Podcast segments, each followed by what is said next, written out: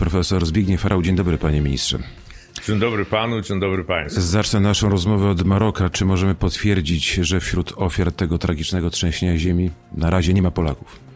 Tak, rzeczywiście. Na razie i daj Boże już na pewno, oby nie było naszych obywateli. Takie mamy meldunki od naszej służby konsularnej e, w stolicy Maroka, w Rabacie. Ani rannych, ani ofiar śmiertelnych, tak? Nie mamy takich meldunków. Panie ministrze, no to, to co wczoraj napisał serwis gazeta.pl, e, bardzo mocny tekst, pewnie pan go, mam nadzieję, przeczytał. Gazeta informuje, że pan z byłym już wiceministrem Wawrzykiem miał wspólnie forsować kandydaturę Jakuba Osady na ambasadora w Islandii do tego stopnia, że mieliście szantażować prezydenta Rzeczpospolitej Polskiej Andrzeja Dudy. Jak pan się odniesie do tych zarzutów? Panie redaktorze, no wiarygodność tego przekazu, jak przytłaczająca większość doniesień Gazety Wyborczej, szczególnie teraz w kampanii wy, y, wyborczej, jest, jest delikatnie mówiąc niezwykle niezwykle y, mała. Czy ma pan natomiast, dowody na to, tak? Bo to słowo przeciwko słowu. Natomiast, dlaczego no, słuchacze prawdą, mają nie ufać gazecie? Prawdą, prawdą jest, że wyłanianie kandydatów na ambasadorów jest niezwykle złożonym, długotrwałym procesem. Zgodnie z ustawą, niezbędne najpierw są konsultacje polityczne między tymi organami władzy publicznej, które konstytucyjnie są odpowiedzialne za prowadzenie polityki zagranicznej, a więc Rada Ministrów, w tym minister spraw zagranicznych, w porozumieniu z prezydentem Rzeczypospolitej. Tylko czym innym konsultacje, a czym innym szantaż, o czym w tym no, tekście jest napisane? Panie, panie redaktorze, no, szantażowanie głowy państwa w takiej sprawie, gdzie po pierwsze jest absurdem samym w sobie, jeśli y, y, y, minister konstytucyjny by nawet myślał o takim działaniu wobec każdej głowy państwa, szczególnie głowy państwa pochodzącej z y, tego obozu politycznego. Natomiast y, zupełnie inną sprawą jest przeciągające się procedury, bo w to zaangażowane są, tak jak powiedziałem, te podmioty. Trzeba zbudować konsensus w tak zwanym konwencie służby zagranicznej, trzeba zdobyć agremą, trzeba zdobyć jeszcze y, akceptację Komisji Spraw To ja spytam panie ministrze inaczej, bo gazeta powołuje się na anonimowego pracownika MSZ-u, czyli być może jakiegoś pana podległego pracownika. Czy pan z ręką na sercu przed naszymi słuchaczami teraz może powiedzieć, że nie dochodziło do żadnego szantażu i to, co tam jest napisane, nie jest prawdą? Ależ, ale zapewniam pana redaktora i daję słowo, że nikt a już na pewno mnie nie przyszło do głowy, by stawiać pana prezydenta w podobnej sytuacji. A może minister Wawrzyk to robił? Nie sądzę. Ale ja nie wiem o jakiejkolwiek komunikacji między ministrem Wawrzykiem a panem prezydentem. A poznał pan pana Jakuba Osadę, czyli tego człowieka, który miał być tym ambasadorem w Islandii i który też prywatnie jest związany rodzinnie z byłym ministrem, wiceministrem Wawrzykiem? Panie redaktorze, no tak jak każdego innego urzędnika tego szczebla w MSZ. Potwierdza pan to, że nie miał kompetencji do tego, żeby tym ambasadorem zostać, a mimo to był forsowany? Kompetencje, kompetencje formalne posiadał, ale już nie chcę komentować tej kwestii, po prostu dlatego, że e, siłą rzeczy komentowałbym czynności sprawdzające e, odpowiedniej służby, która to jest aktywna. Może panie ministrze, skoro to, o czym pan mówi, jest nieprawdą, to może trzeba podać e, to wszystko do, do, do sądu, tak? Do... W trybie wyborczym mamy kampanię wyborczą, jeśli rzeczywiście pan jest czysty. Jeśli Rzeczywiście tak nie myślałem o takim rozwiązaniu. Pan mi to podpowiada. Yy, zastanowię się nad tym. Czy Polska wydała aż 350 tysięcy wiz za łapówki dla obcokrajowców? To kolejna sprawa, Panie, kolejny wątek w tym tygodniu bardzo głośny. Panie redaktorze, rzecz jest równie wiarygodna jak pomysł z szantażowaniem głowy państwa. Kategorycznie temu y, zaprzeczam. Ja myślę, że pan nawiązuje do. Yy... Do ustaleń dwóch posłów z Platformy Obywatelskiej, którzy skontrolowali MSZ. Nie panie, nie, panie redaktorze. Ja myślę, że także pan nawiązuje do y, takiej wypowiedzi y, Donalda Tuska, zdaje się, w mediach społecznościowych, który wskazywał, że celem MSZ-u było sprowadzenie 400 tysięcy.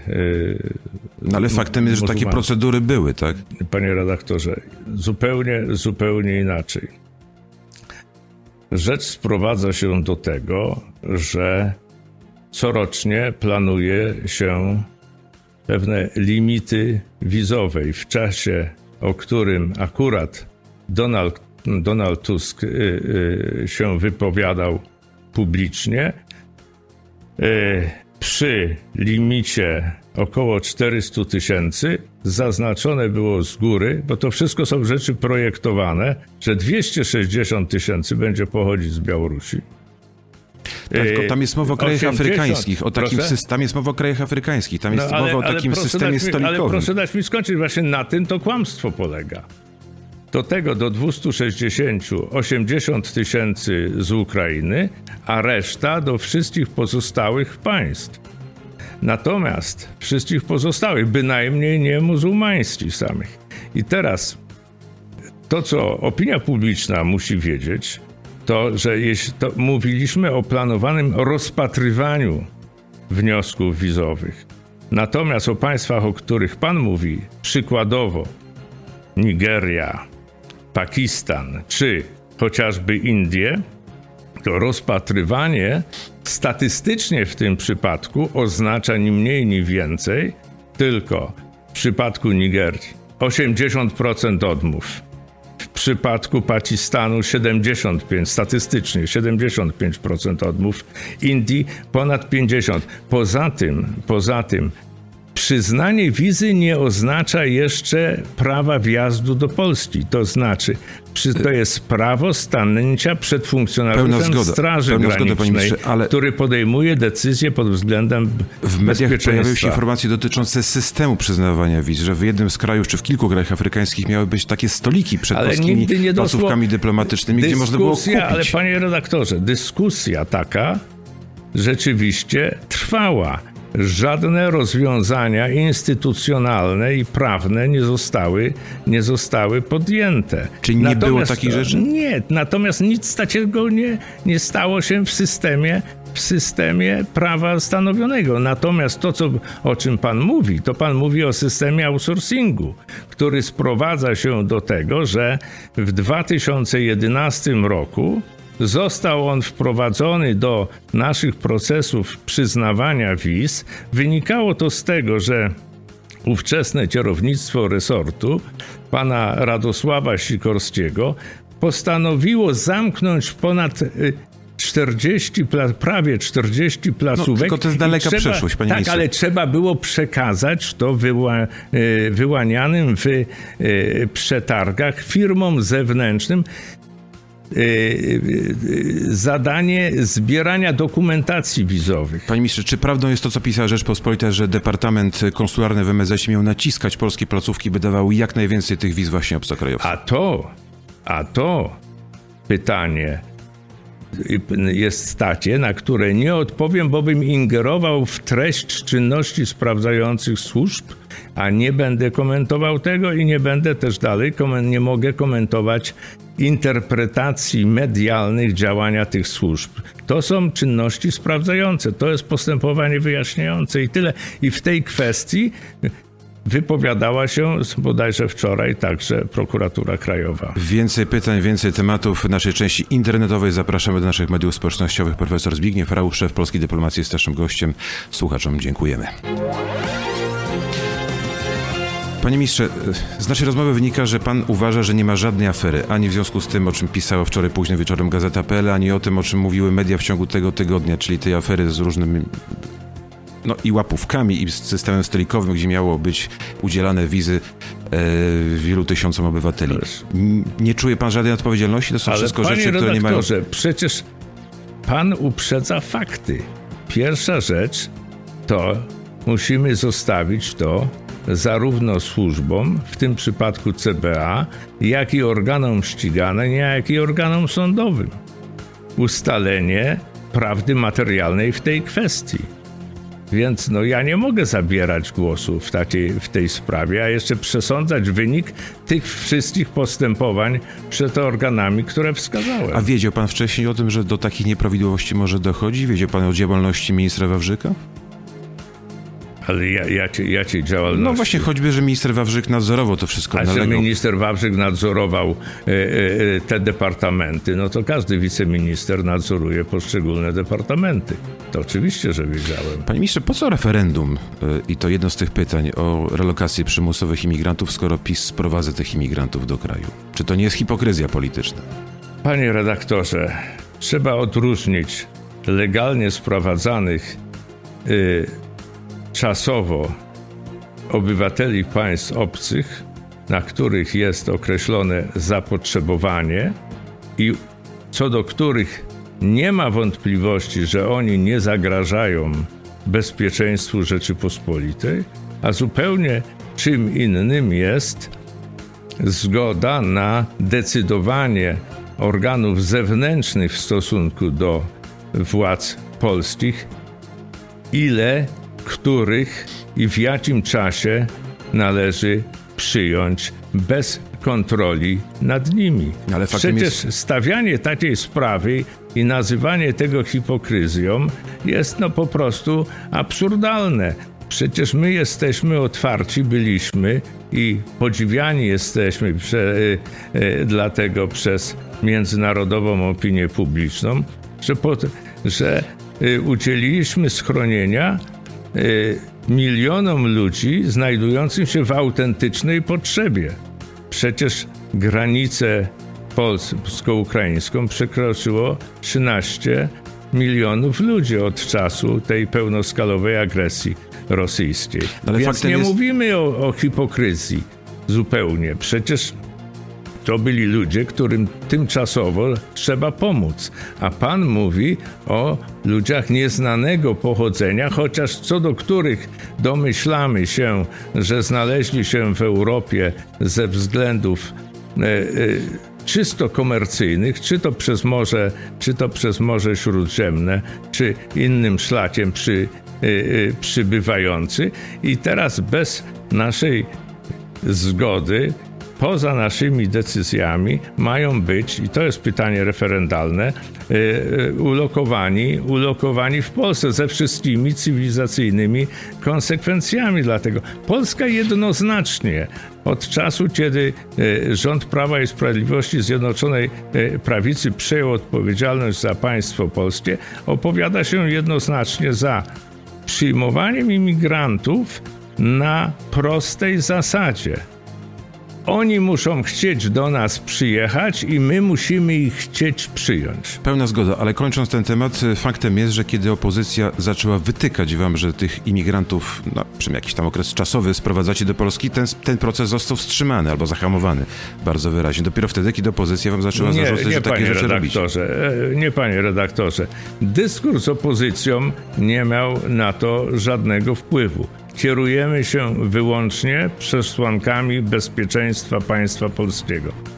Patrzę na zegarek za trzy godziny. Y, dziś ważna, y, ważny moment. W Końskich poznamy plan Prawa i Sprawiedliwości dla Polaków. Ja zapytam pana jako szefa dyplomacji, czy Polacy coś usłyszą, czy będzie jakaś propozycja polityczna, jak poprawić nasze relacje z Brukselą. One od kilku lat chyba stopniowo są, mam wrażenie, coraz gorsze.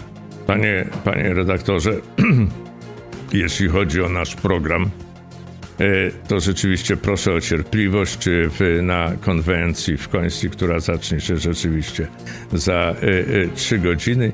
Istotnie jego części na następne 8 lat zostaną ujawnione. Ja pana mogę tylko zapewnić, że będzie to program prowadzący do Polski bezpiecznej, zasobnej, Polski równych szans i nieograniczonych możliwości jeśli chodzi o relacje z Brukselą, to na pewno nie zmienimy po wyborach naszego stanowiska w sprawach zasadniczych. Czyli? Bo kwestia praworządności, o której pan pewno chce mówić, jest kwestią wtórną i absolutnie nieautentyczną.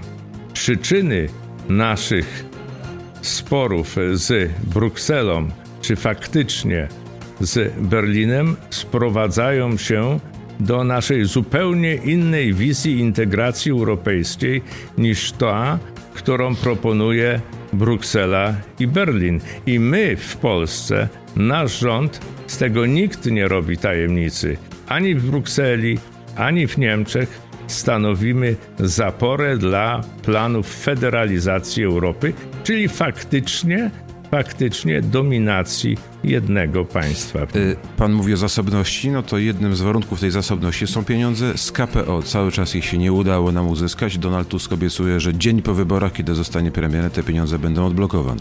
Oczywiście, gdyby co Boże uchowaj został premierem, nie zostaną od razu odblokowane.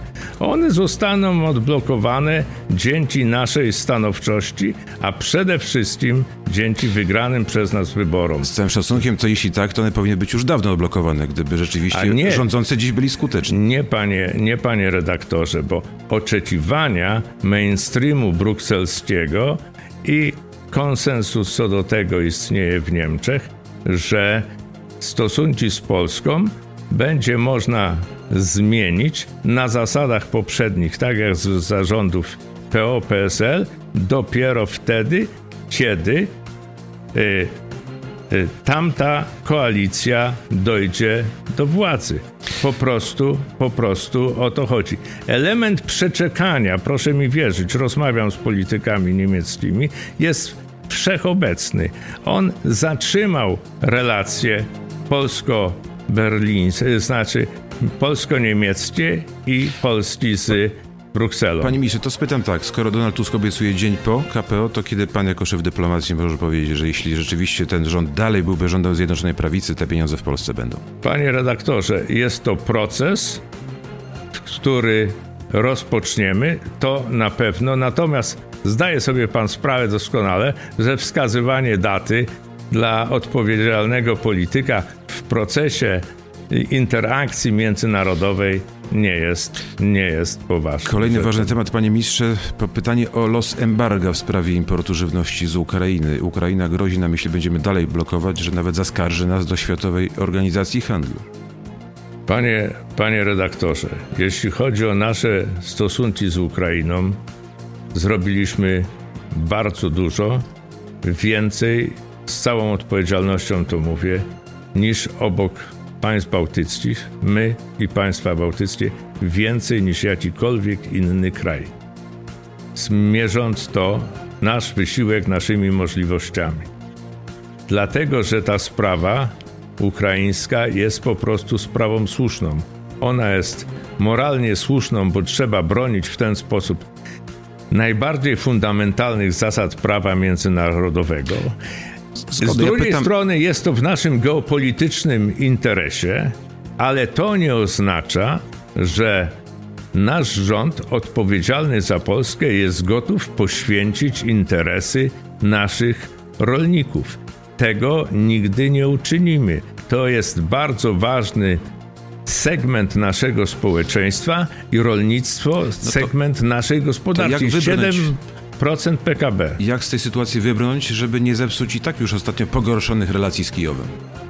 Panie redaktorze, my w relacjach z Kijowem nie mamy sobie absolutnie nic do zarzucenia. Wręcz przeciwnie, tak jak powiedziałem, nasza pomoc dla Ukrainy, humanitarna i inna, budzi podziw świata. To nie znaczy, że zrezygnujemy z obrony naszych z podstawowych, zasadniczych interesów, interesów naszych rolników. To dlaczego Kijów tego, no, wydaje mi się, nie docenia do końca, tak? Stawiając tę sprawę na ostrzu noża, próbując nas nawet skarżyć, takie są zapowiedzi do Światowej Organizacji Handlu. No to tak sąsiad dobremu sąsiadowi chyba nie robi. To jest szczególny czas dla Kijowa, jak wiemy, może to nie jest najlepszy czas na racjonalną refleksję.